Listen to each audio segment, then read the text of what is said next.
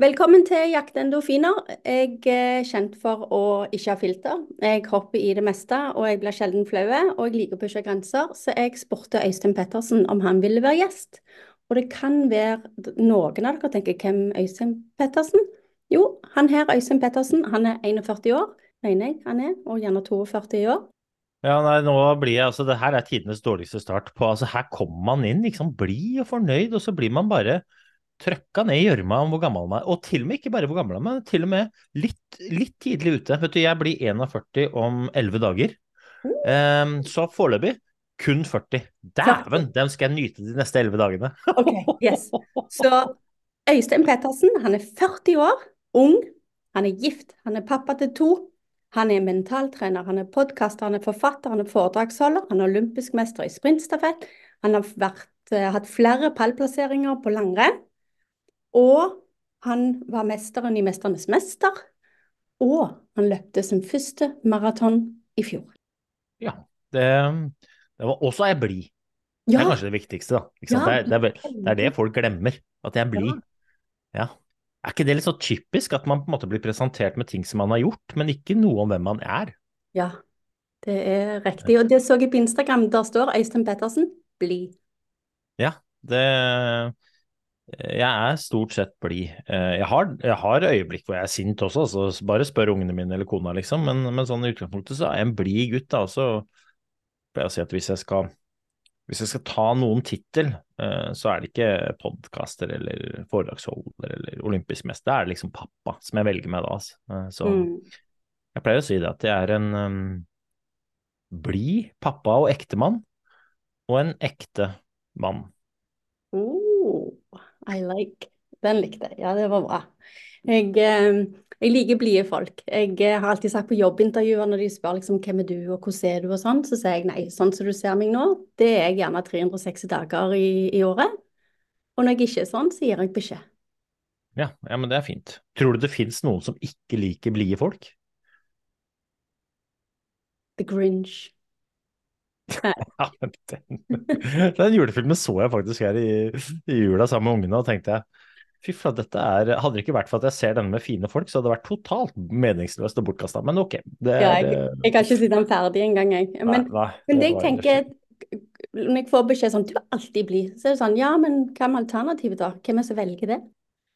det? Det er et godt spørsmål. Det er litt sånn, litt sånn fjasete kanskje, men jeg er jo enig i at det er veldig lett å, å bli eh, beskyldt for å alltid være blid, og jeg også får høre det i ny og ne. Men eh, jeg er enig med deg at jeg, jeg, jobber aktivt for å bevare humøret. Da. Så tror jeg ofte at man blir eh, De gangene jeg er sint, eller de gangene jeg er sur eller sånn negativ, det er ofte de gangene jeg er eh, føler jeg pressa eh, på kontroll, egentlig. At jeg har mista litt kontrollen. Det kan være over tida mi, eller det kan være over det jeg driver med. De gangene jeg har mista litt kontroll, så er jeg ofte negativ. For jeg liker ikke den følelsen. Og jeg kan ikke fri meg for tanken at de som ofte er litt negative, har mista litt kontroll. Litt provoserende kanskje å si, men jeg, jeg, jeg står for det. Ja, og så gjerne òg at vi mister kontroll fordi at forhåpningene våre ble ikke sånn som vi trodde. Ja, og det er vel ofte fordi man ikke gjør eh, nok for at eh, de forhåpningene skal ha muligheten til å realiseres eller til å oppfylles, da. Så på en måte ja. sånn jeg opplever det litt som sånn høna i lege. Ja, men jeg skulle ønske at Eller det er ikke så lett for Ja, det er lett for deg å si pølse, liksom. Sånn, ja, men helt ærlig. Jeg sitter i FAU sjøl, liksom. Jeg også har ting utenfor uh, det du ser og driver med. Så det er ikke sånn at jeg bare går rundt og løper på en rosa sky og hører på, på Aqua hele tiden. Sånn er det ikke. Aqua. Er det den siste du spilte på Spotify? Um, nei, det er det nok ikke, men um, det, hender, det hender innimellom at jeg F.eks. hvis ungene kommer hjem tidlig, jeg er hjemme, vi sitter og liksom så er det utrolig hva litt Lene Nystrøm i anlegget gjør med humøret til folk. altså Bare, bare sette på noe som er fjasete, liksom. Så, ah, ja. Jeg får prøve det. Du, I min, eh, i min podkast så pleier jeg alltid å spørre folk hvordan de var i oppveksten, og hva aktiviteter de likte når de var små. Eh, jeg vet jo at du var interessert i langrenn når du var liten òg, men eh, spilte du fotball, ishockey, bandy? Du Du, jeg var Jeg, jeg kommer fra Oslo, kom fra Groruddalen. Vokste opp i en liten sånn blokkverden i, i Oslo. Og jeg, dette er litt sånn fjasete å si, da. Jeg, jeg drar nok på litt for dramatisk effekt, men jeg har vel sagt det at leilighetene var så små at vi måtte være ute. Mm. Eh, men så sier jeg også i samme åndedrag at det, Og vi var så mange at det var umulig å ha besøk av alle.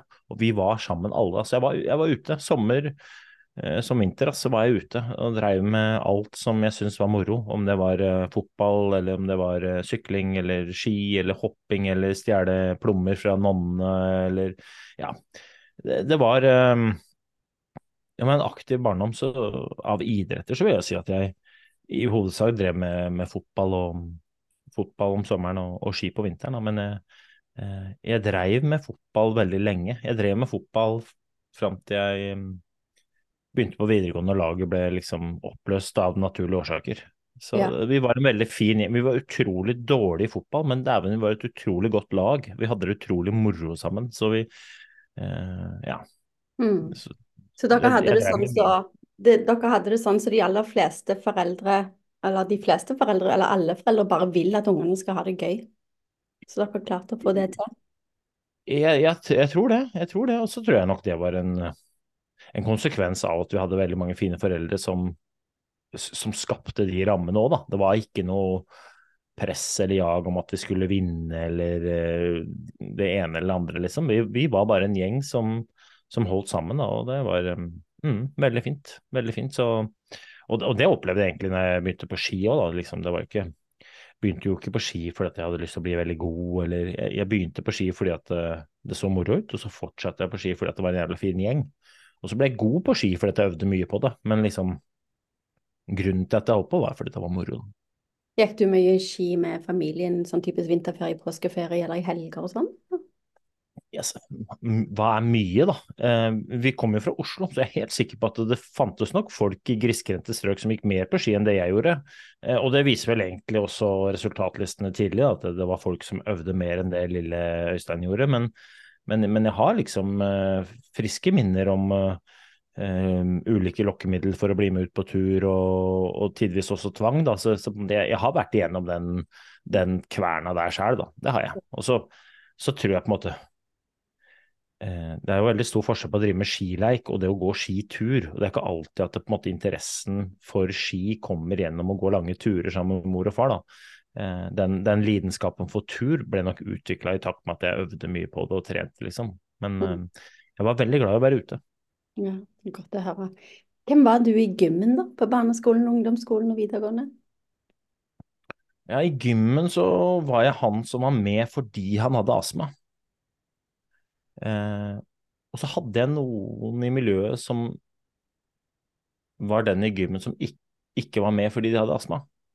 Jeg, jeg ble født med astma, ganske sånn heftig astma. Jeg var uh, ordentlig dårlig og var stort sett innlagt en gang i året uh, med ordentlig astma. Og så fikk jeg oppfølging av en eh, fantastisk lege som heter Kai Håkon Karlsen. Han er dessverre ikke blant oss lenger, men han var blant de som starta liksom det første astmasenteret oppe på uh, overfor Frognerseteren. Og eh, han sa til meg at eh, du har astma, så derfor så må du være i aktivitet. Ikke det som var det vanlige. Du har astma, derfor så må du holde deg unna. Eh, så jeg, var han som var med i gymmen av at jeg hadde astma. Og det har jeg alltid brukt da, for alt det har vært. Jeg er jo jeg er en av de som har trent meg bedre og bedre med astma. Og så hører man jo veldig ofte om idrettsutøvere som trener på seg astma. Eh, og jeg skal ikke si at toppidrett er sunt, men det å trene eh, generelt for helsa, da, det er Du må aldri bruke bruke en tilstand som årsak for å ikke ta vare på helsa. Det er superskummelt. Mm. Så han var jeg i gymmen. Ja. Men var det sånn da at du gikk masse med spray i lommen eh, når du var ute og lekte og i gymmen og sånn? Var det, var det såpass gale? Jeg gikk hvert fall på, jeg var i hvert fall medisinert hver eneste dag, eh, og det var sånn at jeg eh, ble lagt inn pga. anfall, og hvis jeg ble forkjøla, så var jeg borte i to uker med astma, og sånn er det fortsatt. Hvis jeg blir forkjøla nå, så er jeg ute i to-tre uker, da er jeg ferdig, ferdig mann. Ikke i betydningen at jeg, jeg ikke at jeg må legges inn, men sånn, da er jeg fortsatt dårlig, da. Så, så jeg, jeg hadde ordentlig astma. Ikke Ja. noe sånn ikke noe anstrengelsesastma, er bare sånn kronisk astma. Mm, men så du har, den har ikke blitt noe bedre med Jo, alderen? jo, jo, jo. jo. Mm. Eh, den ble bedre i takt med at jeg ble i bedre form, da. Jeg har, eh, jeg er veldig Og det har jeg fått bevisst flere ganger. Eh, og det har kommet meg til gode flere ganger også, det å ha et godt eh, hjerte-karsystem, det er, eh, har eh, hjulpet meg i veldig mange anledninger. Også når jeg har vært ordentlig syk. Mm. Når du, gikk du på idrettsgymnas? Nei, jeg gikk på helt vanlig videregående skole i Oslo. Jeg gikk på idrettslinje, da, men jeg gikk, eh, jeg gikk faktisk barne-, ungdom- og videregående skole på den samme skolen.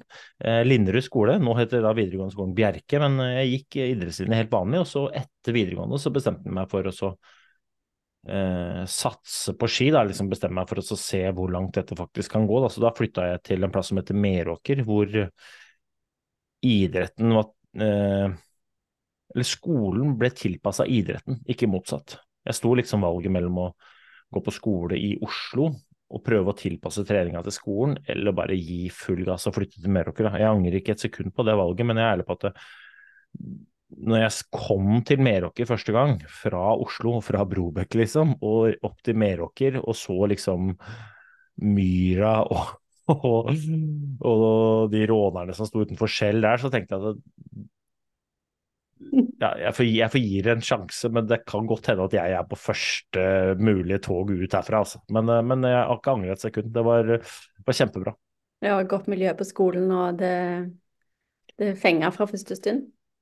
I, det er litt som, samme som fotballaget, da. Det er eh, en gjeng som vil det samme. Der var det jo da, I Meråker så var det jo da en gjeng som ville se hvor langt de kunne dra det. Det var der det lærte meg alt om om det å drive med toppidrett, egentlig. Samtidig som jeg òg liksom begynte å lære meg hva er det som skal til for å, å, få til, men også hva er det som skal til for å fungere sammen da, i en gruppe. Uh, så jeg lærte utrolig mye, og miljøet ble utrolig sterkt. og noen av mine aller beste venner uh, kommer fra den tida der. Da. For jeg, jeg mener at man bygger utrolig sterke bånd, gode relasjoner, når man gjør et godt stykke arbeid sammen mot et felles mål, men hvor alle er klar over at det, det kan hende at ingen av oss har sjanse til å klare det likevel. Men vi må i hvert fall gjøre det vi kan i fellesskap for at en av oss har mulighet. Mm. Nå begynte jeg plutselig å tenke på den der eh, eh, skuespillerhøyskolen, eller hva det heter, Teaterhøyskolen. Begynte jeg plutselig å tenke. Der òg er det jo noen som har felles interesse. Alle elsker det de holder på med, og så er det jo gjerne bare noen få som lykkes. Plutselig begynte jeg å trekke Ja, og så er det fascinerende at alle tenker det er jeg som kommer til å lykkes. Det er, uh, dette er noe av det jeg jobber aller mest med når det kommer til liksom Kall det prestasjonskultur, eller på en måte arbeidsplasser hvor de ansatte kniver litt da, internt. Jeg håper i fullt alvor at uh, alle sammen har et brennende ønske om å være best på laget de er på, uavhengig om det er på, på jobben eller om det er på idrettsarena eller hvor som helst. men forstår det at det å være best på laget aldri må gå på akkord med å gjøre det som er best for laget. Mm. Eh, og noen ganger så opplever jeg miljøer hvor konkurransen blir så stor intern. I jakten på å bli best, så ender man opp med å skyte laget i hæren, og så blir man kanskje best, men laget du er best på er dårlig. Og i toppidretten så betyr det du får ikke være med. Ja, du er best på laget ditt, men laget ditt er dessverre dårlig. Eh, og litt sånn er det jo i, i næringslivet også. Så det, jeg syns det er veldig spennende. Så jeg, jeg lærte utrolig mye i den tida der, da. Og hva tid, eller hvor lenge var du der før du da gikk videre, og eventuelt bytta du idrettslag? Var det sånn du kom deg videre og til toppnivå? Etter videregående så begynte jeg der. Langrenn er jo ofte en sport, med mindre man heter Johannes Østfold Klæbo eller Petter Northug, så er det en sport hvor man, de aller, aller fleste, eh, bruker litt tid på å kall det slå igjennom, eller få lov til å konkurrere mot de beste. Det, det tar tid å bli ordentlig god. Da. Så eh, når jeg da gikk ut av videregående, så ble jeg jo senior, og da hadde jeg hadde jeg noen år, blant annet de årene jeg hadde i, i Meråker, hvor jeg eh, var i utvikling, men det var ingen som fikk med seg det på TV, for å si det sånn. Eh, jeg, jeg, kom opp dit i 2003 og var der til 2006, og i den perioden så gikk jeg null skirenn som gikk på TV utover norgesmesterskap, da, hvor alle er med. Eh, så, men når jeg var ferdig der, så flytta jeg til, tilbake til Oslo, og da begynte liksom snøballen å rulle. Men det er jo uten tvil en konsekvens av det jeg gjorde de åra oppe i, i Meråker. Har du kontakt med noen av de som er der oppe fremdeles? Absolutt. Mm. Absolutt. Og veldig mange. Altså, jeg hadde klassekamerater, og det var jo helt vanlige folk. Eh, men eh, det er jo idrettsnavn som eh, Tor Arne Hetland, Tora Berger, Ella Rønning, Johan Kjølstad, altså Martin Sundby. Det var mine klassekamerater. Og vi er veldig gode venner fortsatt og prater sammen veldig ofte. og jeg har ja, som sagt, noen av de sterkeste relasjonene jeg har skapt, har skapt kommer derfra. Så, så jeg var jo i og rundt et miljø som produserte utrolig mange gode skiløpere. Men vi gjorde det sammen. Så kjekt, da. Å, det ja, og nå, som jeg sa før vi begynte å spille inn, at jeg har jo ikke vært den som har sittet mest foran eh, TV-en og sett på langrenn. Jeg er mer sånn jeg ser på OL, VM, EM, liksom sport generelt. Eh, for ellers har jeg litt for mye lopper i blodet til å sitte i ro så lenge. Men, det kan jeg kjenne meg igjen i. Ja, men de navnene der, det, der ringte det opp gjelder på alle sammen, så det var jo kjekt. Eh, men det er òg gjerne fordi vi har så å si samme alder. Jeg har jo blitt litt eldre enn deg. Jeg pusher straks 50. Mm. Ja, men det er bra, det. Og så er det jo alle disse, tror jeg jo da kanskje Nei, alle de har tatt medaljer i, i internasjonale mesterskap, og jeg tror alle de har mm. tatt gull også, så det er klart at det er jo ja, men, men, jeg kunne nevnt veldig mange som var omtrent like gode som du aldri har hørt om, da. Ja, ikke sant. Ja, det er selvfølgelig. Men så kommer du tilbake inn til Oslo, og så eh, er det sånn at du bare går og melder deg inn i et idrettslag, eller? Nei, da er man jo Man er jo i et miljø, da. ikke sant? I idretten, så i hvert fall når man kommer opp på et nivå, så er man avhengig av å ha et miljø å trene i. Så jeg var vel, husker ikke akkurat hvilken klubb jeg var i når jeg kom tilbake, men jeg meldte når jeg bodde i Oslo, så gikk jeg da stort, eh, stort sett for Bekkelaget skiklubb når jeg var senior. Jeg kom jo fra Linderud idrettslag, det er liksom moderklubben, men så eh, begynte jeg Bekkelaget skiklubb, for der var det Eh, gode rammer og litt sånn, men det betyr jo ikke at vi trente på lokale treninger. Vi hadde regionale treninger, og jeg trente med et sånt eget privatlag og litt sånne ting. Da. Så, men, eh, men jeg, var, jeg, var, hele tiden i og rundt et miljø som var veldig sultne på å bli bedre. Liksom det, idretten er jo egentlig veldig enkel. Den bygger på to, to enkle prinsipp. Én, gjør så godt du kan, og det er et sånt konsept som jeg tror de fleste undervurderer betydningen av, og som egentlig kanskje ikke helt skjønner rekkevidden av. Det å faktisk gjøre sitt beste, det er jo det ene. Og det andre er jo sørg for at det du kan, alltid blir bedre. Eh, så, så på en måte jeg, var, jeg befant meg i, i et miljø konstant som forholdt seg til de to enkle prinsippene hver, hver eneste dag. Og da mener jeg hver eneste dag. Og det, konsekvensen av det var at det veldig mange av oss ble innmari, innmari gode. Så herlig. Ja, nei, jeg, eh, jeg, trekker paralleller hele veien til sønnen min på 14 som uh, spiller fotball. Det er der han vil trene mye, og han må lære av de som er bedre.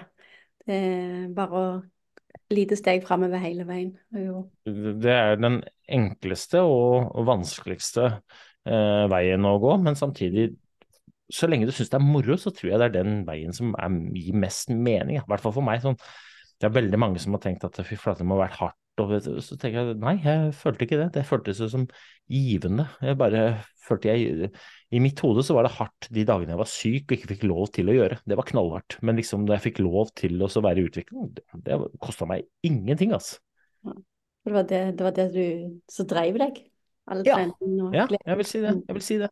Mm. Og, og, det, er det, for, det er det fortsatt. Altså, sånn, eh, det er veldig sjelden jeg snakker om idretten, egentlig. Sånn hva jeg har gjort hva jeg dreiv med, hvilke resultater og Ikke fordi at det er uinteressant, men fordi at jeg mener at det, eh, det man kan lære av tidligere idrettsutøvere, som jeg da havner i, i bossen under, er jo mye mer enn uh, enn de tradisjonelle spørsmålene som du f.eks. stiller nå. da, Ikke noe kritikk til det, men sånn det er jo liksom hva, hva, hva, betyr dette i handling? Hva er det du gjør, og hvordan er det man kan på en måte legge rammene sånn at det ikke dette oppleves som så innmari hardt? For jeg tror veldig mange tror at det er så innmari hardt. og det eh, ja, det, er tidvis hardt arbeid, men det er det jo overalt. Liksom. Pakk dette inn i begeistring, så blir det mye lettere, altså. Mm.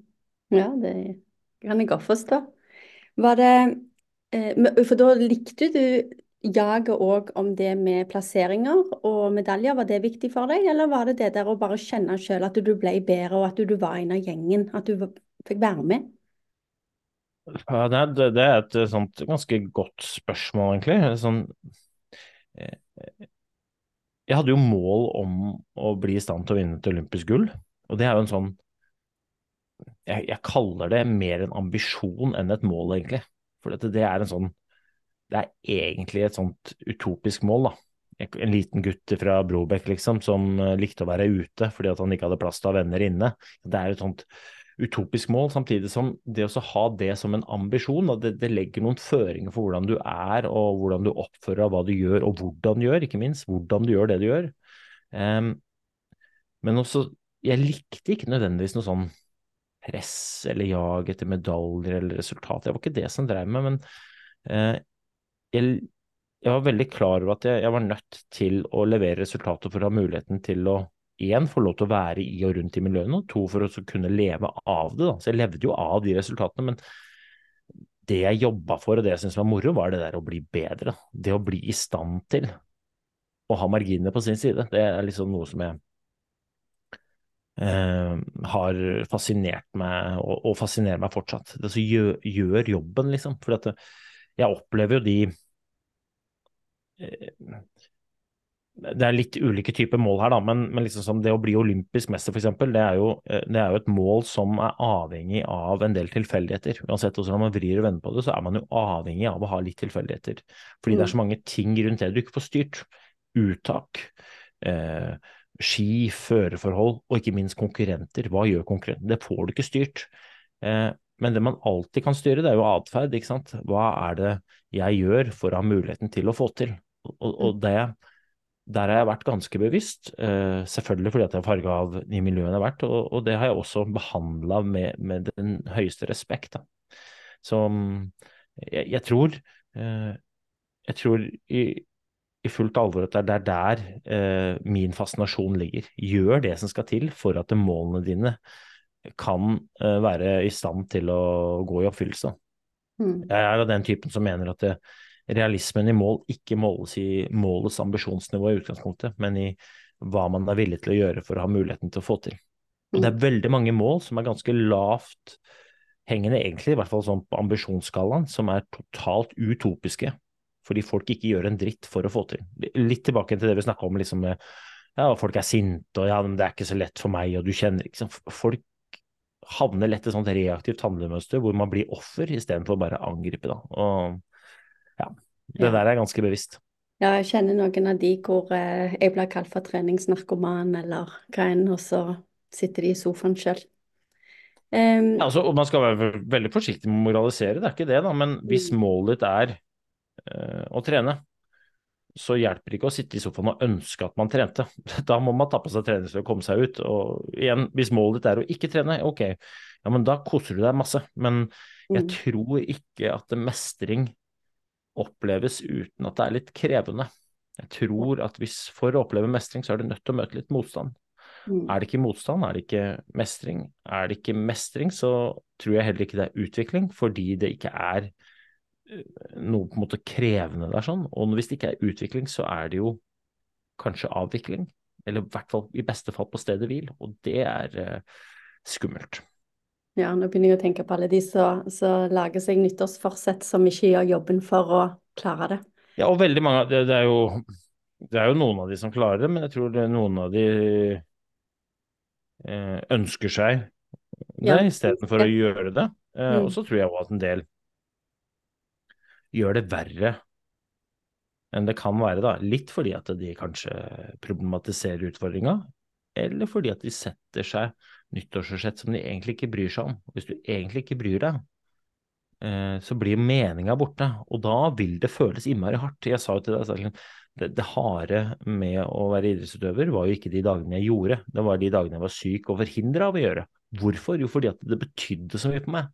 Mm. De folka som setter seg nyttårsforsett, og som setter de som de kanskje tror at noen andre tenker at de burde nå, da blir det krevende. For du bryr deg ikke, og da vil alt føles som offer. Og så tror jeg at man, uavhengig av om man når nyttårsforsettet da eller ikke, vil sitte igjen med følelsen at men det der var jo ikke verdt det. For jeg bryr meg ikke. Mm. Og da er det lett å gi opp, da. Og jeg skjønner det veldig godt også. Ja, og eller, enn om de gjerne klarer det, så er det sånn det der skal jeg i alle fall ikke gjøre igjen. Og så Nei, det, det, jeg, jeg, tror at man i enden av en hvilken som helst eh, vise, da, eh, om det er målsetting eller det ene eller det andre, blir sittende med ett spørsmål. Var det verdt det? Mm. Og jeg håper jo at man i størst mulig grad svarer ja på det. Uh, og hvis ikke, så brenner i hvert fall jeg da for å justere kursen. Mm. Det var, når jeg ga meg på ski, for eksempel, sånn, sånn eh, Jeg ga meg på ski i 2019. Da hadde jeg drevet med, jeg drevet med toppidrett siden jeg flytta til Meråker, føler jeg sjøl. 2003 til 2019. Det var liksom det var, eh, det var 16 år med toppidrettshode. Det var liksom et konstant uh, liv i og rundt det toppidretten dreier seg om. Og jeg uh, koste meg gløgg. Selv om resultatene gikk både opp og ned, så koste jeg meg gløgg. Men i 2019 så plutselig så hadde jeg en natt uh, lå nede i noe som heter Engadindalen i Sveits, utrolig flott sted. Fikk ikke sove.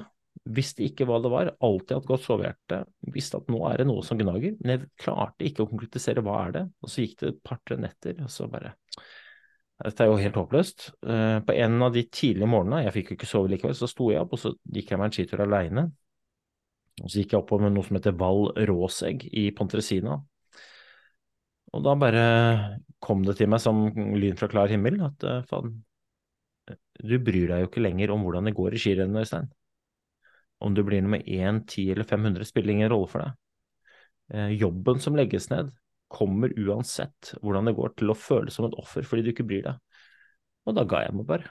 Da slutta jeg bare. Så sa jeg til Emilie at nå må jeg, nå må jeg gi meg. Altså, jeg gikk ut sesongen, eh, men fra den dagen så hadde jeg bestemt meg for å gi meg når jeg kom i mål i Finland det siste rennet den sesongen, og sov som en stein. og Kryssa mållinja i Finland eh, siste rennet, ble nummer to. Veldig godt skirenn og fikk egentlig bekrefta uh, hvor riktig det var å gi seg. For jeg brydde meg ingenting om jeg ble nummer to. Liksom. Det var et veldig bra renn, men jeg kunne ikke brydd meg mindre. Så la jeg skiene mine i målområdet, la stavene ved siden av skiene, og så bare gikk jeg ut, og så var det slutten på, på det kapitlet. Oh, wow. Men herlighet. Men eh, sto reporterne der da med mållinja og ville snakke med deg, sa du noe til de? Ja, det var eh, Det var faktisk Jeg kom i mål, og så ville de ha et intervju da hvor han spurte om det var a uh, great way to end the season.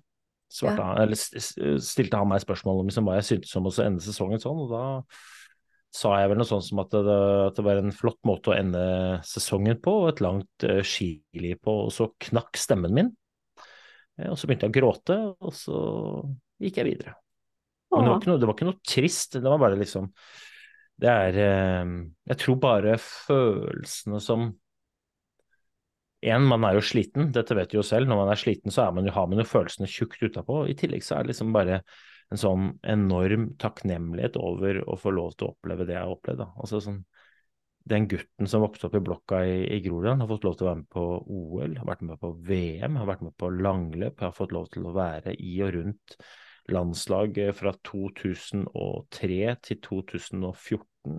Fikk lov til å starte mine egne lag, og til og med fått lov til å bygge opp nok erfaring til å kunne leve av det resten av livet. Så så bare ja, ble jeg mm. overvelda, rett og slett. Og det er fint, jeg kjenner på det når jeg forteller at liksom hm, ja, men det er bare ja, fint. Så herlig å høre. Tenker du nå da, fem år seinere, eh, at det var en veldig grei måte å avslutte karrieren på? Ja, det var helt, det var helt perfekt. Det var helt riktig.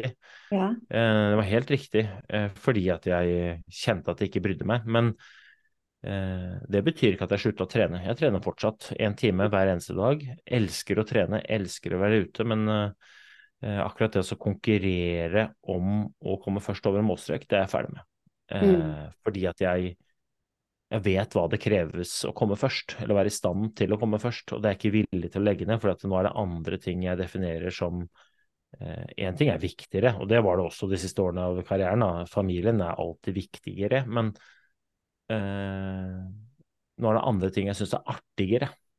Og, mm. og da, da, vil idretten, hvis jeg skulle på en måte satsa på det nå, så ville det føltes som et offer i for stor grad. Da ville jeg også havna i den derre dette er slitsomt-bobla. Fordi at det, meninga med å konkurrere på toppnivå ikke er stor nok, da, men meninga i å mosjonere, oh, den finner jeg hver eneste dag, som f.eks. i dag. Så herlig. Det er jo mange som har eh, fått med seg eh, dine stunts på TV, både av Eller stunts, eh, det var vel egentlig mest en en gang du sprang naken etter sånn som jeg har fått med meg, men eh, det var jo ingen oppdaga det som jeg kunne se. Det var ingen som gikk glipp av noe der, altså. ja, og da det er det der å lage sin egen utfordring, og så eh, Har du gjort det mange ganger? At du lager, lager sånne utfordringer hvor du skal pushe deg sjøl til å gjøre crazy ting? Uh, nei. nei, altså hvis du refererer til den uh, nakenløpinga der, så er det egentlig bare en sånn stor misforståelse som har havna uh, i medienes havn som et veddemål.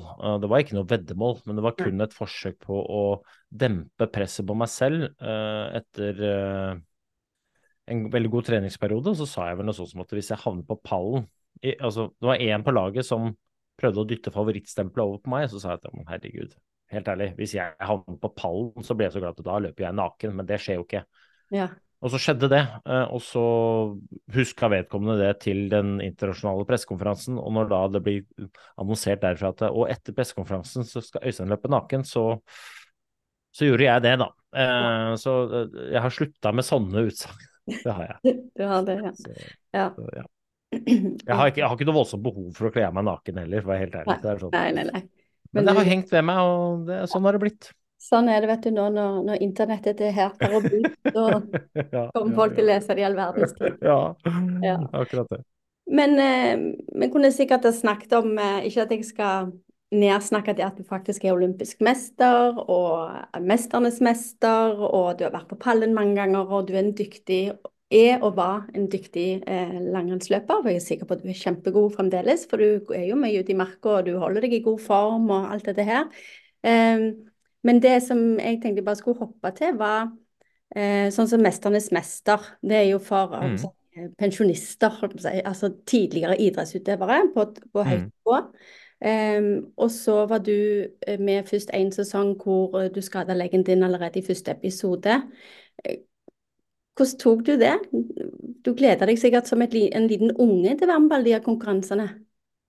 Ja, det der er um, Hvordan tok jeg det? Eh, vet du, jeg, jeg ble ordentlig lei meg, da. Ikke fordi at jeg bryr meg så innmari mye om programmet i seg sjøl, da. Uh, det er nok to, to, sider av det. Det ene er nok litt uh, forfengeligheten ved å på en måte være så dårlig at du skader av å legge et puslespill. Um, men, men, men den store sorgen lå nok i at jeg da følte at jeg gikk glipp av å bli ordentlig kjent med de hodene som er med i programmet. Altså, jeg bryr meg ingenting om eh, om det er 90-graderen eller å grave i sand, eller altså disse øvelsene mener jeg er mer eller mindre fjasete, da. Men hvis det å prestere de øvelsene er billetten til å få lov til å bli kjent med de folka som er med, og høre litt om ok, dette, jeg vet jo hva jeg har gjort, men jeg har utrolig respekt for det du har gjort, og så har jeg utrolig lyst til å høre hvordan var det du gjorde det? Og så på en måte kan jeg enten kjenne igjen, eller, eller la, la, meg fascinere av, eller lære, liksom. Det var det som gjorde at jeg ble ordentlig lei meg. Og det var nok også eneste grunnen til at jeg takka ja til å få lov til å bli med en gang til. Ja. Fordi det første jeg tenkte var jo, ja men tenk hvis det går like ræva neste gang, liksom. Hva vil hva vil folk tenke om meg da? Eh, men, eh, men fikk, at det at jeg fikk lov til å få en ny mulighet til å bli kjent med folk, det var, det var eneste grunn til at jeg ble med en gang til. Og, så viste det seg jo da at når du, når du detter ut av det programmet, så, så henger jo i kulissen, holdt jeg på å si. Så jeg fikk jo lov til å bli kjent med de, selv om det var ingen som så at jeg var der, så var jeg der hele tiden. Så jeg ble en slags sånn Når deltakerne ble slått ut av Mesternes mester, så reiser de til et annet sted og venter til det bare er finale, så kommer jo alle inn igjen og heier på de som er Så jeg ble en slags sånn um, velkomstkomité for de som blir slått ut. Og når man blir slått ut av et sånt program, så har man ofte behov for å tømme seg litt. Og, og det var min arena. da. det å bare sitte der og, og, høre på historiene som blir fortalt, uh, og, og, lære, rett og slett. Så uh, jeg, utrolig, jeg, jeg, lærte utrolig mye av å få lov til å være med i det programmet. Jeg er utrolig takknemlig for det. Utrolig mye fine folk, og utrolig mange samtaler som ja, som jeg kan dra fram i både den ene og den andre settinga og tenke på, eller i hvert fall bruke, da. Mm, genialt at du allikevel fikk eh, mye tid med deltakerne allikevel. For det er vel sånn at da du reiste hjem, så hadde jo folk i gata, de visste at du var tilbake, enn om de gjerne ikke visste hva du hadde vært på, men kona di hadde jo òg visst. Ja, ja, det var det som var konseptet. Og, da var det jo spilt inn i Norge pga. koronaen. Mm. Så da kunne vi i hvert fall ikke reise noe sted. Så, og så er jeg jo ærlig på at eh, man blir nesten bedre kjent eh, altså, Jeg kan jo si det, for jeg har vært med to ganger. Den ene gangen var jeg jo da utenfor programmet omtrent hele tiden. Andre gangen så var jeg jo i programmet hele tiden. Mm. Uh, man blir jo nesten bedre kjent på utsiden, for da er det jo kun uh, tid til å prate. Og da må man ikke avbryte den praten med at nå skal noen grave i sand. Ikke sant? Så da, da, da ble jeg jo enda bedre kjent. Da. Så for eksempel en mann som Johan Olav Koss, eller eh, ja, det var mange der som uh, Cecilie Leganger. Jeg kjenner jo ikke dama. Jeg latt meg fascinere av vesenet. Men jeg følte jeg ble ordentlig godt kjent med henne. Mm. Eh, Genette Våge? En, en dame fra ditt uh, strøk av landet som har slått igjennom med å kjøre motorsykkel, som er på den ene siden så ser hun ut som uh, en sånn typisk uh, ung jente som bruker altfor mye sminke.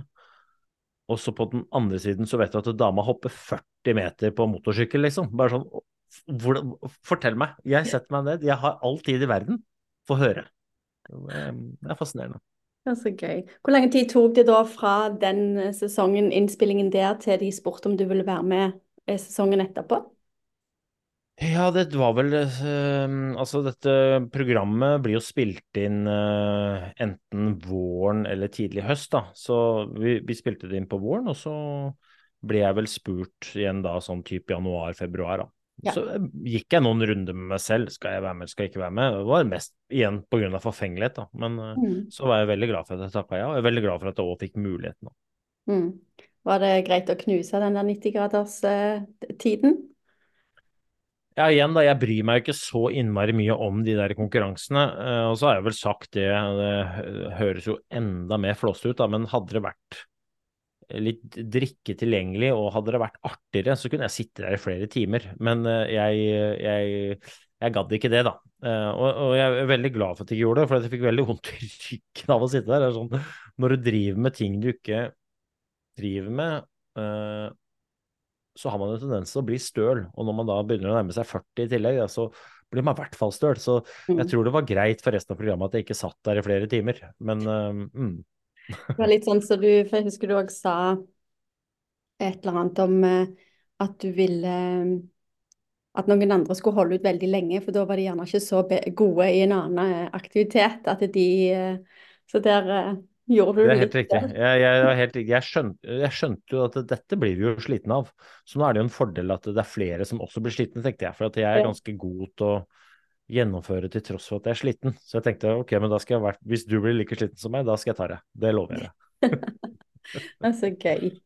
Ja. Um, men har du, har du vært med jeg ser, jeg ser ikke så mye sånne jeg vet ikke om vi skal kalle det reality, men sånne forskjellige konkurranser med masse kjendiser, sånn, så, så er jeg ikke helt oppdatert, for jeg ser ikke så mye på TV.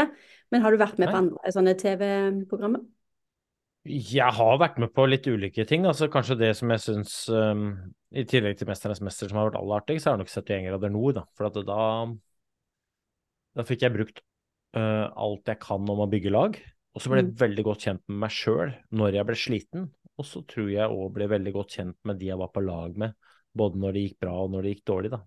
Mm. Eh, så det er nok eh, eh, det, Jeg brukte det som et lite eksperiment for meg selv for å se om det jeg har lært om kultur, også fungerer utenfor idretten.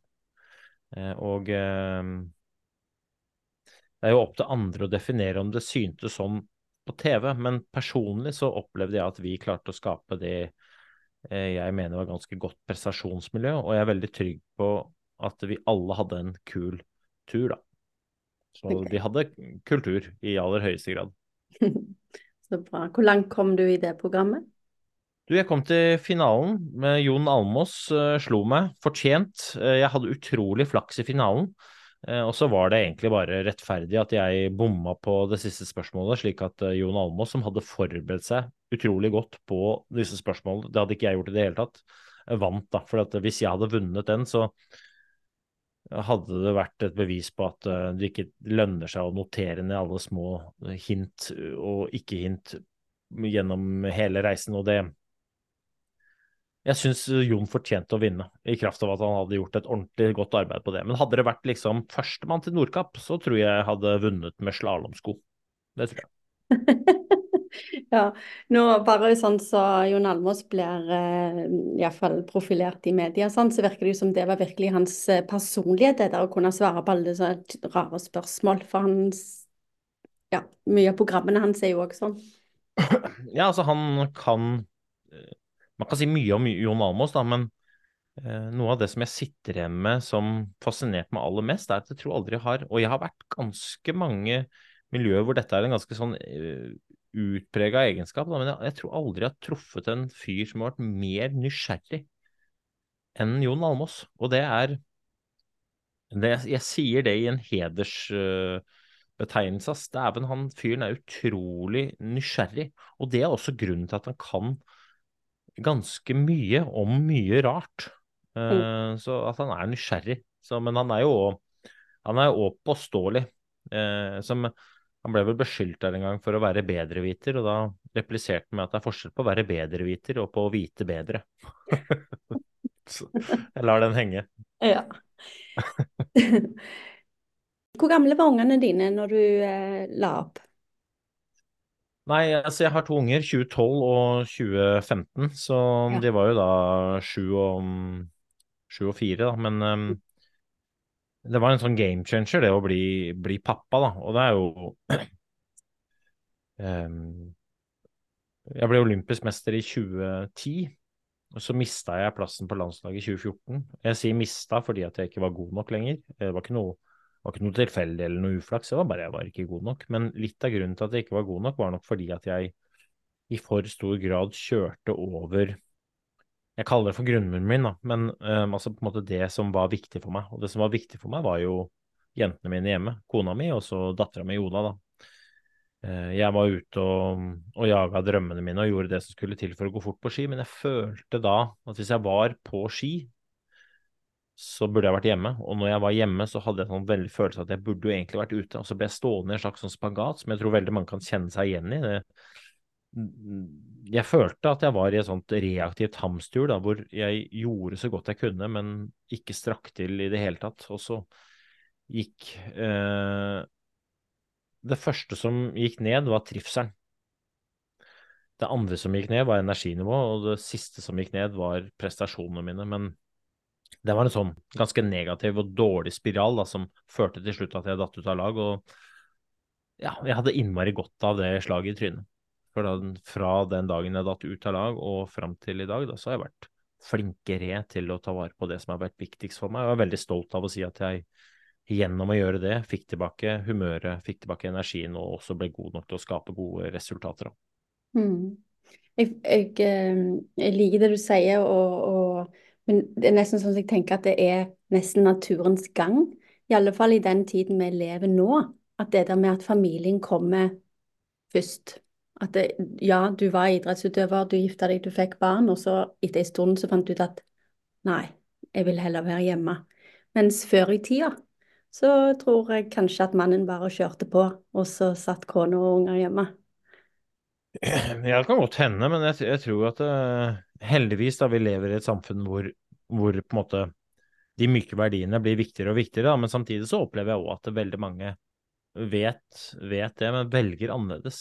Uh, og jeg skal ikke si at det folk velger er feil, det skal jeg være veldig forsiktig med å si. Men jeg kan si at det for meg, da, mm. så ble det Jeg følte at det var forventa at jeg gjorde det som skal til for å bli olympisk mester, f.eks. Jeg var forventa at jeg tilfredsstilte en del krav, og så endte jeg opp med å gjøre det som var forventa av meg, istedenfor å gjøre det som var best for meg. Og da, da slapp jeg opp på liksom kontrollen over tida mi, da. Og når du slipper opp kontrollen på tid, så blir det veldig vanskelig. Og til slutt så blir det uutholdelig. Ehm, jeg pleier å si at hvis ikke du setter grenser, så kommer omgivelsene veldig kjapt til å begrense det. Og det er grenseløst dumt å ikke øve seg på det. Men eh, jeg var for dårlig på det sjøl og fikk betale smertelig, og da ikke i betydningen mista jobben, men i betydningen at ehm, de hjemme fikk lide. Eh, og jeg tror vi er jo opplært til å på en måte stå på, holde ut, eh, og gjerne også unngå å skuffe noen. Eh, men med fare for å høres som verdens største klyse, når jeg står i valget mellom å skuffe noen eller de jeg bryr meg aller mest om, så velger jeg stort sett noen, altså. Fordi at eh, grunnmuren min er det viktigste. Men når jeg har hvis jeg har på en måte god samvittighet med tanke på tid brukt sammen med de hjemme, så er jeg verdens største ressurs der ute. I hvert fall sånn som jeg opplever det sjøl. Eh, og da kan jeg få til utroligste ting. Men hvis jeg ikke har god samvittighet, så er verdens dårligste ressurs. Og da spiller det ikke noen rolle hva jeg gjør, for kvaliteten på det jeg holder på med er lav. Da. Så det er ikke noe, er ikke noe verdi i meg i seg sjøl. Mm. Blir det stor Eller du, du, er ikke nødt til å svare på dette, og du er ikke nødt til å snakke om kona di, men, men um hun, er det noe hun har sagt eller uh, gitt uttrykk for som du kan si høyt om liksom, det der med endringen når du begynte å, å, være hjemme, da? Eller når du ikke Ikke at du bare var hjemme når du slutta å være toppidrettsutøver, men det der, den endringen, da, og plutselig ha deg hjemme så mye. Går ut ifra at hun satte skikkelig stor pris på det. Mm, det er sikkert uh, Det er vel noen ganger du ønsker at jeg skulle være reist litt òg, tenker jeg. Men, men og jeg reiser fortsatt mye, altså. Men um, altså, når jeg datt ut av landslaget fra 2014 og ut uh, til 20, 2019, så endra jeg totalt uh, hvordan jeg trente og levde. Da, da bestemte jeg meg for å ikke reise lenger, bare trene hjemme. Uh, selvfølgelig så måtte jeg reise i forbindelse med skirenn, men jeg, jeg slutta å reise på samlinger og lange liksom, opphold. Sånn. Jeg, jeg var hjemme, og så reiste jeg når jeg skulle gå skirenn. Så trente jeg én gang om dagen, fortrinnsvis når dattera mi var i barnehagen og kona mi var på skolen. Og så var jeg pappa og, og ektemann.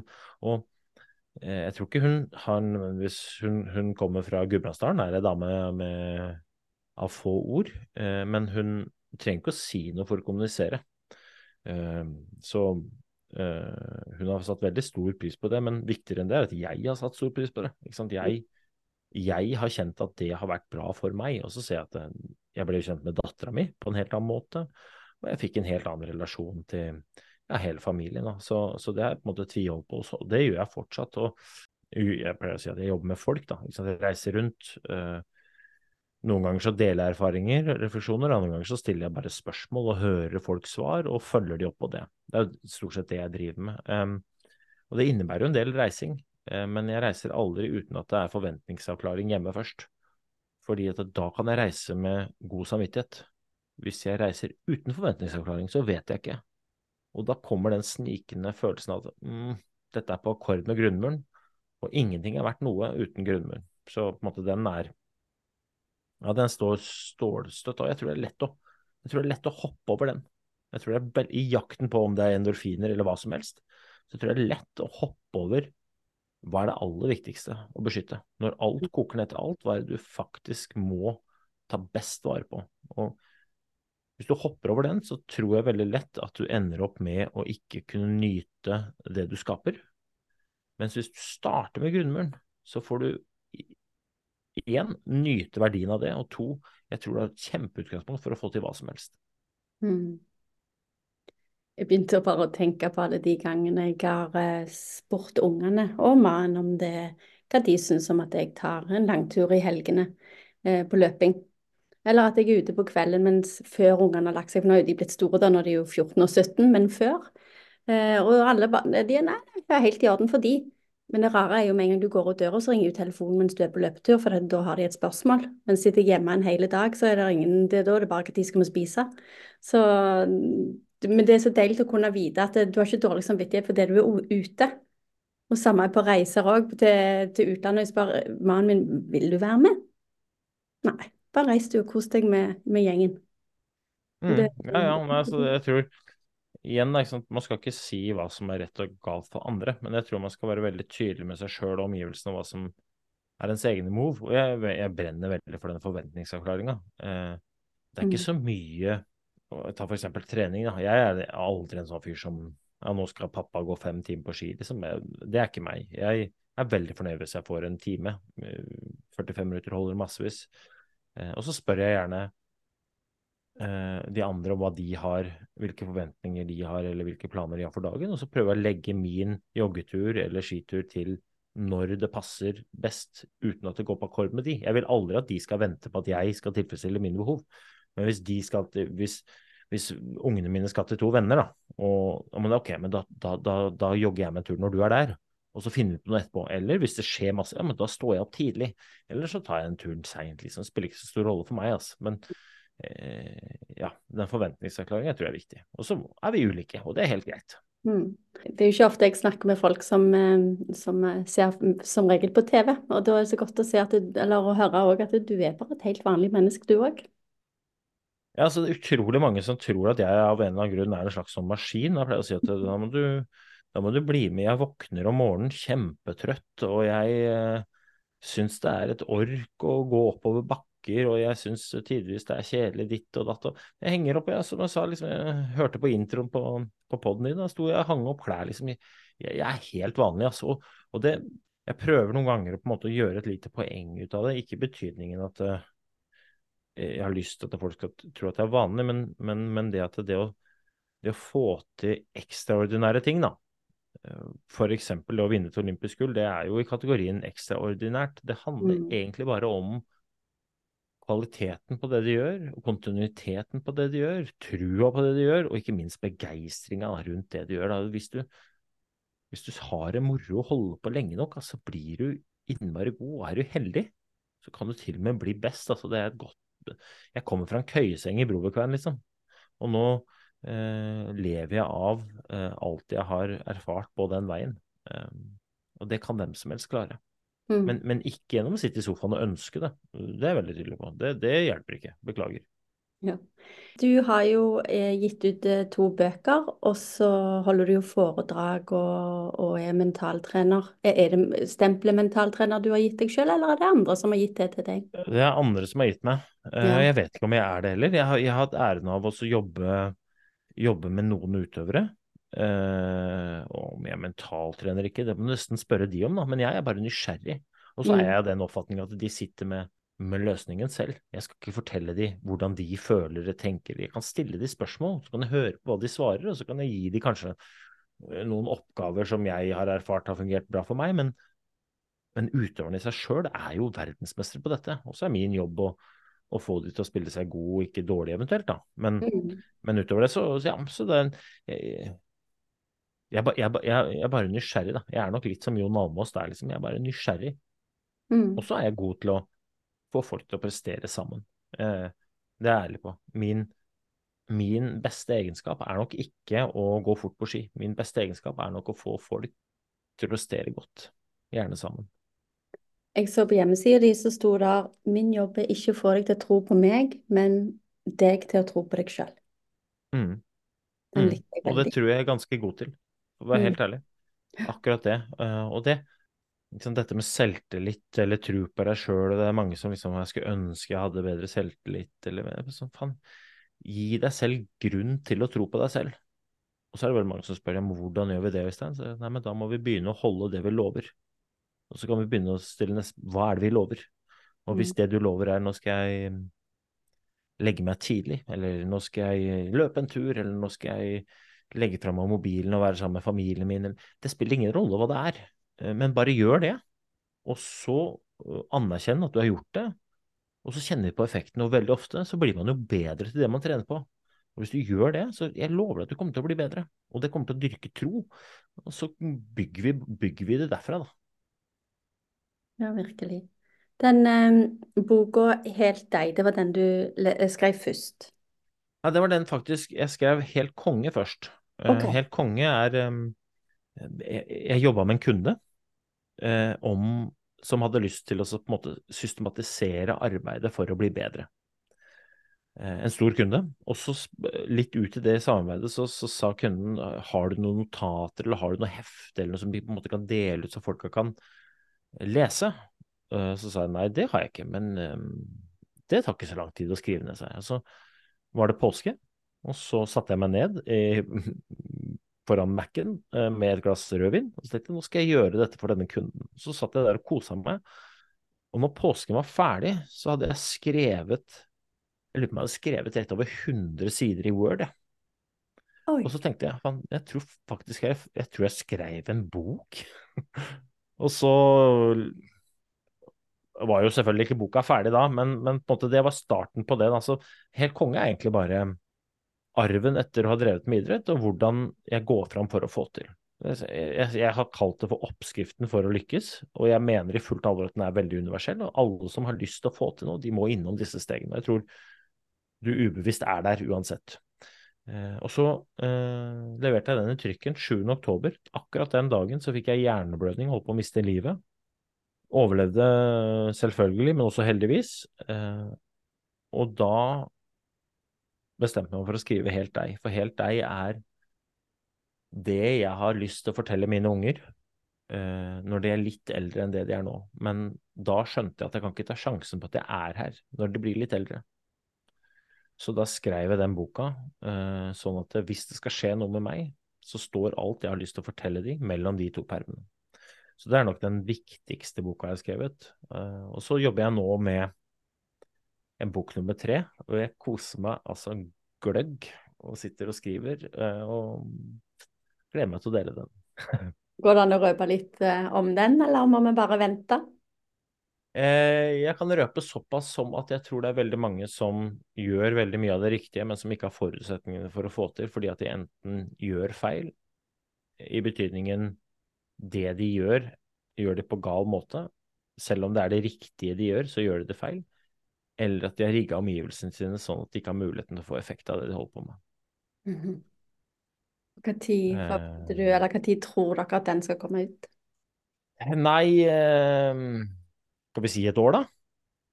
Ja. Jeg, jeg, tror egentlig manus ble ferdig tidligere i dag, eh, men uh, så vet jeg av erfaring at uh, det lønner seg å ha god tid. Kose seg med det og flikke ja. litt på det og spikke litt på det og gi det til noen kritiske lesere og skaffe en god redaktør og finne et sted å gi den ut og lage litt uh, oppstuss rundt det. Ja da, og så er det litt greit å, å sette litt fram i tid istedenfor å si at du tror at det kommer før sommeren eller rett etter sommeren, og så tar ting tid òg av og til ja, jeg gidder ikke å lage unødvendig stress. For jeg har jo ikke noe Det er ingen som Jeg har ikke som jobb å gi ut bøker. Eh, så det er ikke noe sånn jeg må dette for å få det til å gå rundt økonomisk. Jeg har en annen vanlig jobb og har mm. nok av klesvask å holde på med ut, uh, ut vinteren. Så, uh, men, men det, er, det, er, sånn at jeg Det kommer til å komme en bok. Den kommer til å bli den beste jeg har skrevet. Og sånn er det ofte når man øver på noe. Man blir bedre. Jeg også. Og spennende. Det, ja, det, den må jeg eh, komme med og få kjøpe og følge med på. Men det som du sier òg, jeg har jo en vanlig jobb. Er det da er det podkasten som er jobben, er det foredragene, er det workshops? Nei, altså det jeg jobber med er, eh, som sagt, da, jobber med folk. Eh, hvordan er det å jobbe med folk? Jo, alt fra mm, foredrag til jeg har liksom ikke noe godt ord på det. Liksom, I næringslivet kaller det for workshops eller prosesser. Jeg kaller det bare for jobbing. Jeg er ikke noe vant til de fancy schmancy ordene. Og jeg har, ikke, jeg, har ikke lært, jeg har ikke lært, jeg har ikke lest det noe sted. Jeg har bare erfart det. Så jeg er nok en sånn Jeg pleier ofte å si at jeg er en veldig enkel gutt, og så tror jeg kanskje min aller sterkeste side er at jeg tar tak i ting som i utgangspunktet er ganske komplekse, men jeg gjør det så enkelt at jeg skjønner det. Og veldig ofte når jeg skjønner det, så skjønner smartere folk enn meg, og det treffer jeg hele tiden, absolutt alt i, i, det vi snakker om Altså. Det er, det, er det, det er, det, jeg jobber med. Det er der jeg, mm, i, er der jeg henter penger til å betale regningene mine. Men så har jeg mange andre sideprosjekt. Podkast er en av de tingene som jeg syns er utrolig moro. Eh, bøker skriver jeg også. Utrolig moro. I tillegg så har jeg eh, så jeg er en sånn kreativ sjel, så nå har jeg starta noe som heter Helt konge sammen, som er en en plattform, en digital plattform hvor jeg hver uke deler en refleksjon med en oppgave. Og målet er bare at folk skal én, uh, få til det de har lyst til å få til. To, gjøre det og ivareta grunnmuren sin og føle seg helt konge. Gjerne sammen. Så um, ja, det bruker jeg litt tid på. Syns det er utrolig spennende. Så kommer jeg igjen, Det blir litt sånn som 'Mesternes mester'. Jeg kommer i kontakt med utrolig mange fine folk som har ulike perspektiver på det jeg deler. Eh, og jeg er ikke noe redd for å si jeg sitter ikke på fasiten. Jeg, jeg, er glad de dagene jeg kan rekke opp hånda og si faen, jeg, jeg, hadde feil. For det er jo bare et bevis på at jeg har lært noe. ikke sant? Jeg har lært noe. Og det jeg visste i går, det var feil. Å, fy flate, fett! Jeg er en sånn type. Ja, jeg òg er litt sånn. Det, det der å tørre å innrømme feil og lære, lære, nye ting og se det fra noen andre sin side, eller ja, det er digg. Men du, eh, du har jo løpt eh, maraton i fjor. Du, jeg fikk eh, av en god venn så fikk jeg startnummer i et eh, maraton. Amsterdam Maraton. Så det var, det var, eh, det var debut. Eh, det var faktisk mitt første Jeg, jeg lurer på om det var mitt første gateløp noensinne. Ja. Første gang du hadde startnummer med joggesko på? Nei, jeg har nok løpt noe sånn terrengløp. Jeg har løpt et par sånne eh, Birken og Ultra-Birken og litt sånne ting. Men det var første gangen jeg på en måte sto, sto på start i sånn type løp, da. Amsterdam Maraton. Og jeg var ærlig på at jeg var jeg var nok veldig dårlig forberedt, i betydningen veldig lite spesifikk trening, veldig lite forhold til kilometertider og veldig lite dobbel terskel, for å si det sånn. Det var, jeg hadde jogga noen turer og ja, generelt god form, og satsa på liksom at begeistring skulle føre meg til mål, da. Og så hadde jeg litt Jeg vet ikke om det var uflaks eller om det var flaks, vet ikke, men jeg, jeg røyk på jeg røyk på en skikkelig influensa. Så jeg tok siste antibiotika den dagen jeg stelte meg på start. Så da hadde jeg ikke trent på ei uke. Mm. Eh, og kan du tenke, kanskje tenke at det var dumt, da, men samtidig så var jeg i hvert fall ikke sliten når jeg sto på start. Nei, herlighet. det berømte overskuddet hadde jeg. Ja, Ingrid Kristiansen òg gjorde jo noen av sine beste løp etter sykdom, så det... Ja, så det var jeg, jeg, jeg, tror jo det at jeg var syk når jeg sto på start omtrent. Eh, førte til Jeg hadde jo ingen erfaring, ikke sant. Så det førte jo til at jeg tenkte Men, men bare, bare jogg igjennom uten å stryke med. Og, og, det er jo veldig ærlig på at det gjorde jeg jo. Jeg jogga igjennom. Liksom følte aldri at det, nå er jeg veldig sliten. Og så kikka jeg liksom på kilometersplittene etterpå. Da, da, hvis du hvis du tar hver femte kilometer, så tror jeg hadde fire sekunder forskjell på raskeste og dårligste fem kilometer på, på debuten i maraton, uten å kikke særlig på klokka. Så det var Jeg ble en slags sånn eh, Det var jo noen sånne pacers, eh, og jeg tror raskeste pacer var vel kanskje på var det tre blank, eller var det 2,50, husker ikke, men jeg ble, jeg ble en sånn pacer eller fartsholder eh, for de som løp litt fortere, da. Og for, jeg fikk veldig skryt over at jeg løp så jevnt, og folk lurte på hvor mange maraton jeg hadde løpt. og da, svarte jeg null. det er jo helt fantastisk. Jeg eh, går jo ut ifra at du får sikkert masse meldinger på sosiale medier, men jeg var en av de som sendte deg eh, et tips før din maraton. Ok, jeg får høre. Jeg hørte på din podkast eller Gode dager at du skulle til Amsterdam og løpe, og det var min maraton nummer to var i Amsterdam. Ja.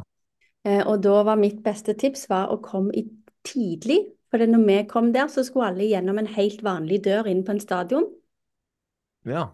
Og når hundrevis og tusenvis av mennesker skal gjennom én liten dør, sånn som du går ja. kommer inn på soverommet ditt, da blir det kø. Ja, vi var der tidlig. Ja. Eh, og fordi jeg hadde lest, om det var fra deg eller det var flere som sa det, kom tidlig. Mm. Eh, vi var nok der i overkant tidlig, men jeg hadde ikke noe jeg, jeg vet ikke om det var fordi at vi starta der vi skulle eller ikke, men det var delt opp start, startfeltet var delt opp to, mm. så noen starta et annet sted. Vi, men jeg starta inne på stadion, eh, ja. og så starta jeg da i Jeg hadde jo ikke noe peiling, så jeg meldte meg på i ei gruppe som skulle løpe rett under tre timer. Jeg vet ikke helt, faktisk. men det var nok flere folk i de andre gruppene der hvor jeg sto. Så jeg hadde ikke noe trengsel. Noen hadde god tid, og, men, men, det var fint. Det, det som jeg satt hjemme som erfaring, som, i hvert fall som logistikkmessig, var å hente startnummer tidlig. Det, det sparte du litt tid på. Det var veldig fornuftig. Um, og utover det så, ja. Men, men jeg, tenker, jeg tenker at du gjerne Du har nok vært i riktig pulje i og med at du klarte å løpe så jevnt hele veien. Ja, jeg løp eh, Nå har jeg da løpt meg sånn Hvis man løper under 2,40, så kan man jo få lov til å løpe hvilke maraton man vil, har jeg forstått. Ja. Eh, og det er veldig hyggelig. Det eneste som ikke er så hyggelig, er at jeg syns det var litt kjedelig å løpe maraton på asfalt, så jeg er litt usikker på om jeg gidder å løpe noen fler. Men det er så utrolig moro å løpe. og så eneste som eventuelt kan lokke meg, er at det var utrolig mange blide mennesker. Eh, men selve liksom eh, jeg passerte et, jeg vet ikke, to-tre-30 km der. og Jeg var ikke sånn, igjen, jeg var ikke så innmari sliten. Eh, jeg, Det høres sånn klyste ut, men jeg løp veldig på kontroll. da. Men i hvert fall, så når jeg, kom dit, så løp jeg liksom gjennom et sånt industriområde. Ja. Det regna litt, og da tenkte jeg sånn Men helt ærlig, Øystein. Hva er det du holder på med? Hadde det ikke vært ålreit å tatt seg et løp rundt Mont Blanc isteden? Der er det jo flott. Her nå er det jo liksom Jeg løp forbi fabrikken til G-Star, liksom. Jeg, sånn, jeg bryr meg jo ingenting om klær. ja, det... Så, men, men, det var utrolig mye idrettsglede, og det, det satte jeg veldig pris på. Men jeg syns eh, hvis du skal løpe inn til maraton, så burde du jo dratt til New York. For der var jeg nå. Det har jeg hørt, og, og det, har jeg lyst til. Ja. ja, og der er det jo litt mer sånn stemning hele veien, har jeg skjønt. da. Ja, ja, ja. Det var, det var, vi, var, vi var veldig uheldige, for det regna og blåste veldig i Amsterdam når vi løp. Så det var, det var sånn, jeg skjønner at folk ikke gikk mann av huset for å se Øystein jogge i, rundt i rosa kompresjonssokker. Det, det, det, det har jeg veldig forståelse for. Men jeg var veldig ærlig på at Øystein i rosa kompresjonssokker hadde trivdes hvis det hadde vært millioner i gatene. Ja, og i New York sier de jo at det er mellom én og to millioner som ser på. Og hvis du er på et løp i Norge, så står jo gjerne folk langs gjerdet noen plasser og heier venter til den de kjenner kommer og løper forbi, og så sier de yeah, hurra, flinke du. Mens i New York så står det gjerne altså, kø for å komme fram til gjerdet, og folk står med mobilen langt over hodet og knipser fordi de tror gjerne den de kjenner kommer forbi. Men de heier på alle. Ja, nei, jeg, jeg, jeg rakk å tenke at jeg, det blir nok ikke Jessheim vintermaraton på Øystein. Å, Det rakk jeg å tenke med selv. Og da tenkte jeg sånn Så glad i å løpe maraton er jeg ikke. Ja, ja den, eh, det ble med den ene gangen. Der er det jo nesten ingen som heier, og så er det eh, fire Nei, runder. men det ser jeg for meg. For en, det er ingen som bor der, og to, det er ingen som bryr seg. Hvorfor skal man det, liksom? Da Da, man... da er Holmestrand litt bedre, for da er det åtte runder på fem kilometer istedenfor. Ja, Jeg tror jeg holder meg unna det, men, eh, men, men, men all ære til de som syns det. det, er ikke det, det jeg bare sier det passer ikke for meg. Men altså, jeg Hvis folk liker det, kjør på. Jeg hyller det. Når folk Ja. gjør det de liker, det er det beste jeg vet. Eh, nå som du har eh, løpt asfaltbaraton, asfaltmaraton, du har jo kvalifisert til hva for en maraton du vil i verden, om det så var Boston og New York og alt dette her. Kunne du tenke deg å løpe altså maratoner fordi at det er gøy, hvis det er noen andre som skal, og du vil losje dem gjennom det? Eh, Ja, altså alt uh, Jeg er glad i å være ute, da. Jeg er glad i å være sammen med folk. Jeg er en sånn utegutt som elsker å bevege meg, så jeg er ikke noe fremmed for å løpe, løpe maraton. Jeg er ærlig på at jeg Jeg tror aldri jeg gidder å legge ned det som skal til for å løpe ordentlig fort. Uh, og så kan det godt igjen høres litt sånn provoserende ut da når jeg løper eh, på det som kanskje veldig mange tenker på som ganske fort. Men jeg, kommer liksom fra toppidretten, da, hvor jeg liksom vet det at eh, jeg er jo en halvtime bak vinneren, ikke sant. Og det er jo Det er så fort jeg kan, men det er jo ganske langt unna eh, toppidretten likevel. Um, så jeg kommer aldri til å på en måte legge ned masse innsats for det, men jeg kommer til å legge masse innsats i å ha god helse. Og så hvis det er i tillegg gode folk som har lyst til å være med, og vi har lyst til å gjennomføre kule løp eller arrangementer, så, så er jeg med på det. Jeg driver jo med, jeg driver med idrett for å ivareta helsa mi, og fordi jeg syns det er moro.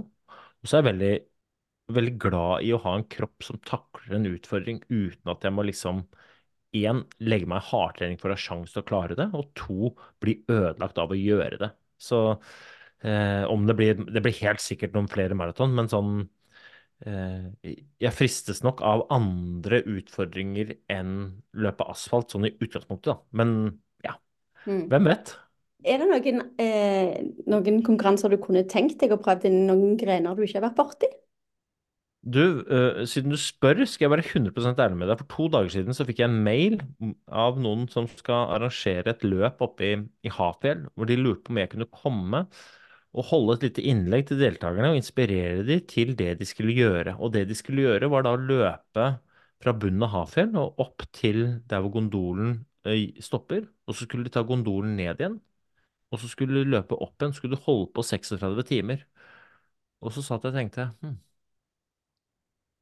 det- på et eller annet sykt nivå så har jeg litt lyst til å være med på det løpet. Det er tilfeldigvis ikke Hagemann Eventer, er det det? Akkurat hva de heter, vet ikke. Eh, Jeg får en del henvendelser, da. Men jeg bor jo rett ved Hafjell. Jeg bor på Lillehammer. Ja. Så det vil ikke ta meg all verden å reise til start. Det er ofte sånn Jeg er litt glad i det, da. Jeg er veldig glad i Birken, fordi det er i nabolaget, liksom. Mm. Um, og så tenkte jeg det der har jeg aldri hørt om. Jeg har aldri gjort det. Vet ikke hvordan kroppen blir, vet ikke hvordan huet blir. Ok, men her er det muligheter til å lære litt, og også kanskje kunne se hvordan er det de beste gjør det. da. For liksom, jeg lar meg fascinere av folk som er gode i det de holder på med. Og se liksom, ok, men hva er det de holder på med? Så eh, kona mi syns det var en særs dårlig idé. Men jeg er jo voksen nok til å bestemme sjøl, så jeg får se hva det ender opp til. da. Men um, jeg, må- jeg må i hvert fall forsikre meg om at ikke ekteskapet ryker hvis jeg bruker 36 timer i alpinanlegget i Hafjell. Det må jeg, ja. Ja. En gang i året de siste ni årene så har jeg vært med på ja, Jeg kan jo iallfall si at jo da. Jeg var en del av Ragde Charge-laget, hvis du kjenner til det? De har eh, fått eh, mye, hatt mye eh, å stri med opp gjennom årene. Noen ganger har det gått i min favør, og andre ganger har det gått i deres favør. Men det er en fin gjeng som jeg vet hva står for. Ja. Men når jeg har vært med de, så er det på triatlon på Sognsvann. Ja, ja, ja. ja. Så da er jeg en del av eh, Norges største triatlonklubb som eksisterer bare den ene dagen. Det er, eh, det er fint. Jeg tror nok at det er eh, flere på Ragde Chart Charge som også bare driver med triatlon én dag i året. Ja. Og det bærer nok eh, sannsynligvis svømmingen mest preg av. Det det er, si. Ja. Det er nok, det er nok flere som driver med noe som kan karakteriseres mer som bading enn svømming eh, i akkurat den fasen av triatlonet. Og Karstein Johaug er en av de. Ja, ok. Ja, se der. Det er fint. Da skal jeg spørre han om det neste gang jeg treffer han eh, Ja. på ski. Åssen går det med badinga? Ja, han, eh, men han ble kvitt Jeg vet ikke om jeg vil kalle det for svømmeangst, men han ble kvitt den dagen før konkurransen.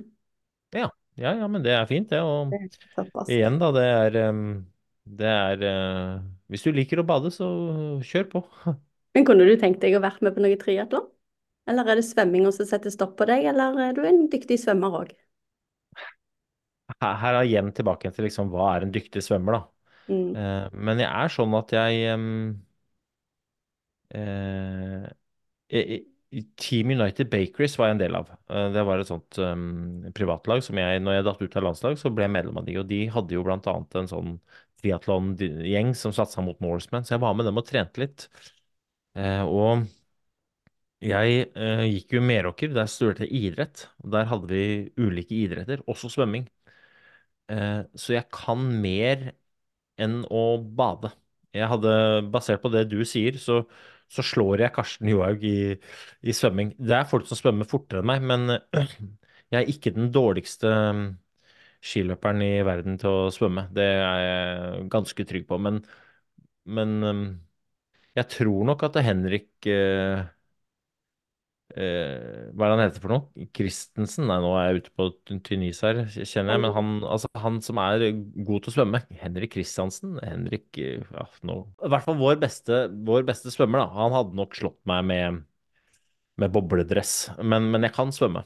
Så jeg, jeg, har, jeg, hadde, hadde på et tidspunkt liksom litt tanke om å være med på Norseman. Jeg tror jeg kunne hevda meg brukbart også, men det, igjen tilbake til tid, da, og tilbake til grunnmuren. Og jeg var ærlig på at jeg, jeg gidder ikke å legge ned så mye tid for å være veldig god i det jeg holder på med. Det har um, I hvert fall ikke innenfor idrett. Jobb Mm. kaster på ganske mye køl. Mm. Eh, som pappa og ektemann kaster på ganske mye køl. Men akkurat idretten eh, bruker jeg nå bare som en arena for å lade litt. Få klarna huet og ja. Jeg Mm. bruker, jeg bruker mye mindre tid på idrett enn det veldig mange tror. Ja, for du sa jo at du, trener én time om dagen, ish. Ja. Ja. Ja. Er det styrke, er det staking på stakemaskin, er det langrenn ute vinteren? Ja, veldig lite styrke. eh, For jeg syns styrke er utrolig kjedelig.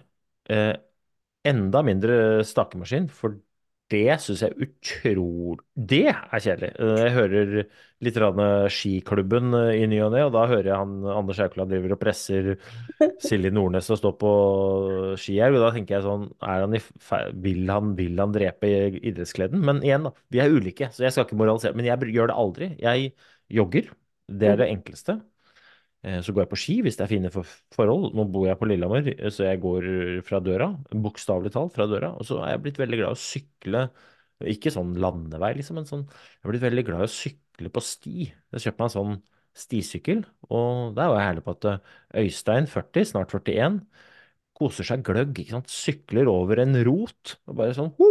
Og det, ikke, det finnes ikke noe spektakulært i det, men Øystein, snart 41, han koser seg altså så mye å sykle over noen røtter og noen småsteiner inn i stinet der. Så det er, eh, ja, det er det jeg driver med, da. Og, og så trener jeg etter et veldig enkelt prinsipp. Uh, smilepuls kaller jeg det. Og det betyr at jeg, uavhengig av hva jeg gjør, uh, må smile. Noen ganger er kroppen sliten, og da smiler jeg av å gå rolig. Uh, noen ganger så er jeg jo kjempe, føler jeg meg kjempepigg. Og da drar jeg på, da. Men alltid så skal jeg smile. Så du vil aldri se meg komme med liksom grinete slitefjes. Det, det er jeg ferdig med. Men uh, smil om munnen, det har jeg. Og du er blid, så det passer jo fint. Det er helt riktig. Det var helt fantastisk å høre på. Det var sånn, eh, jeg, Mitt uttrykk er 'høy på livet'. Og ja, det, det hørte jeg. Eller det er vel ikke ditt uttrykk, det er vel deres uttrykk, er det ikke det? Løpegjengen deres? Ja, du har god hukommelse, Øystein. Ja da, det er løpegjengen min. Ehm, de, vi kaller det høye på livet, da. Jeg, for jeg ble alltid så utrolig høy på livet og klarer ikke å holde kjeft, så da var det det. Jeg er så høy på livet. Så Men er ikke det litt sånn deilig? Og det er litt sånn sånn Igjen tilbake når jeg sa det, jeg sa liksom, er det ikke motstand, så er det ikke mestring, da. Liksom, mm. Det å være høy på livet, det er jo noe som jeg tror alle tenker ja, men det hadde vært jævla gøy. Så er det veldig mange som sikkert lar seg provosere av at du går rundt og sier ja, men jeg er høy på livet. Men det er jo bare bevis på at man har mestra gjennom at man har stått i noe som har vært litt sånn krevende. Og det der, det der er et sånt Hvis folk kan ta med seg noe, da, så liksom Jeg er ikke noen forkjemper for å ha det jævlig, men jeg syns det er jævligst å prøve å gjøre alt veldig komfortabelt hele tiden. Ja. Eh, så hvis ikke det er motstand, vil det ikke være mestring. Og jeg brenner for å kjenne på en mestring, og derfor så kjøper jeg argumentet om at ok, men det kommer med en kostnad. Den er litt motstand, men det fikser vi. Den er verdt det. Mm. Ja, jeg opplever det i hvert fall. Og hvis ikke det er verdt det, så er det feil mål. Da ja, du svinge. Da, da, vil det, da vil det i hvert fall være jævlig. Ja. Tusen, tusen takk for at du ville være gjest i min podkast, Øystein. En ære. Takk for at jeg fikk lov til å dele litt tid med deg. Det var, um, det var hyggelig. Jeg ønsker deg masse lykke til med, med, alt av aktiviteter du finner på, og eventuelt ha fjell og kondol ned og opp igjen. Det blir eh, spennende å se om det blir noe av. Ja, det, det, det, er vel kona som avgjør det sånn til syvende og sist, tenker jeg. Men, eh, men, hvis jeg skal være med, så skal jeg i hvert fall gjøre mitt aller beste for å bevare smilet lengst mulig. Og så vil det nok på et eller annet tidspunkt der uh, bli så mørkt at ingen ser om jeg er litt sur. ja. Men da skal jeg òg følge med på bokhyllene i eh, butikken og se når det kommer en ny bok om et års tid. Å, oh, jeg gleder så... meg. Jeg gleder meg. Og for dere som eventuelt ikke har hørt eh, podkast til Øystein Pettersen og din makker ja, nå har vi jo vi har, Jeg har to forskjellige. Jeg har en som heter ja. Helt konge, den er litt mer seriøs. Og så har vi noe som heter Gode dager. Det er bare bare fjas, ofte innpakka i litt idrettslig erfaring. Da, men der er vi, der er vi en eh, tre-fire stykker nå som, så bare, vi, vi, kaller oss for en liten kiosk. Vi selger ingenting, så det er bare, det er bare ei bu hvor alt er gratis. Og det som er gratis, er erfaring og godt humør. Så bare forsyne seg. Det er fantastisk. Så ser jeg opp eh, gode dager og, og helt konge, hvis det er mer eh, sikkert tekniske ting og mer om idrett og den ja, biten. Det er, ja, hvis du liker uh, og er nysgjerrig på det jeg holder på med, så får du et godt inntrykk av hva jeg på en måte tenker på, i hvert fall. Der. Mm, flott. Og jeg vil òg takke for alle de som har hørt episoden i dag. Følg og, eller abonner ut ifra hva app du hører podkast på. Og så håper jeg du har en fin dag, og så høres vi.